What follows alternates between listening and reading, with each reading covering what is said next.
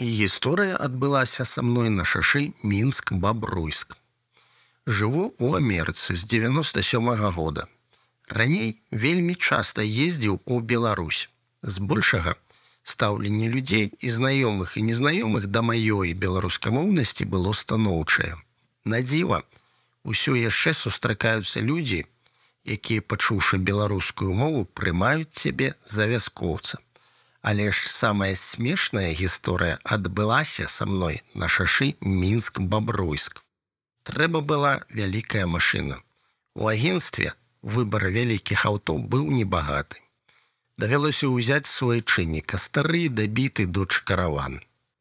Зрабіўшы справы ў бабруйску, на адваротным шляху прыпыніўся на запраўцы кіламетраў 70 да мінску. Заправіўся, зайшоў разлічыцца за прылаўкам дзве жанчыны. Не памятаю ўжо з чаго пачалася размова, але заўважаю, што раптоўна ім становіцца вельмі смешна. Урэшце найбольш смелая з дзвюх уздымае на мяне вочы і пытаецца: маладой чалавек, а вы всегда по-беларускі разговариваете. Я крыху засмучаны такім наўпроставым пытаннем і не маючы жадання распавядаць пра падрабязнасці свайго сталага месца жыхарства адказваю, што ў Беларусі я ўвесь час стараюся размаўляць па-беларуску.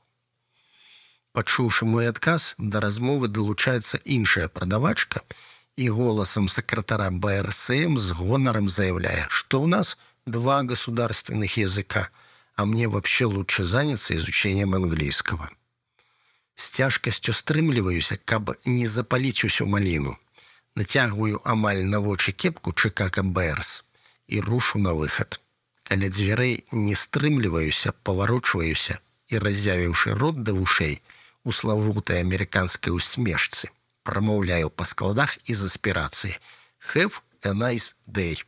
Ігар 44 гады, IT спецыяліст.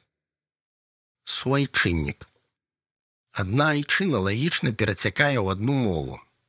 Ці можна назваць суайчыннікам таго, хто з табой адной нацыі, але з іншай мовай. Хутчэй не.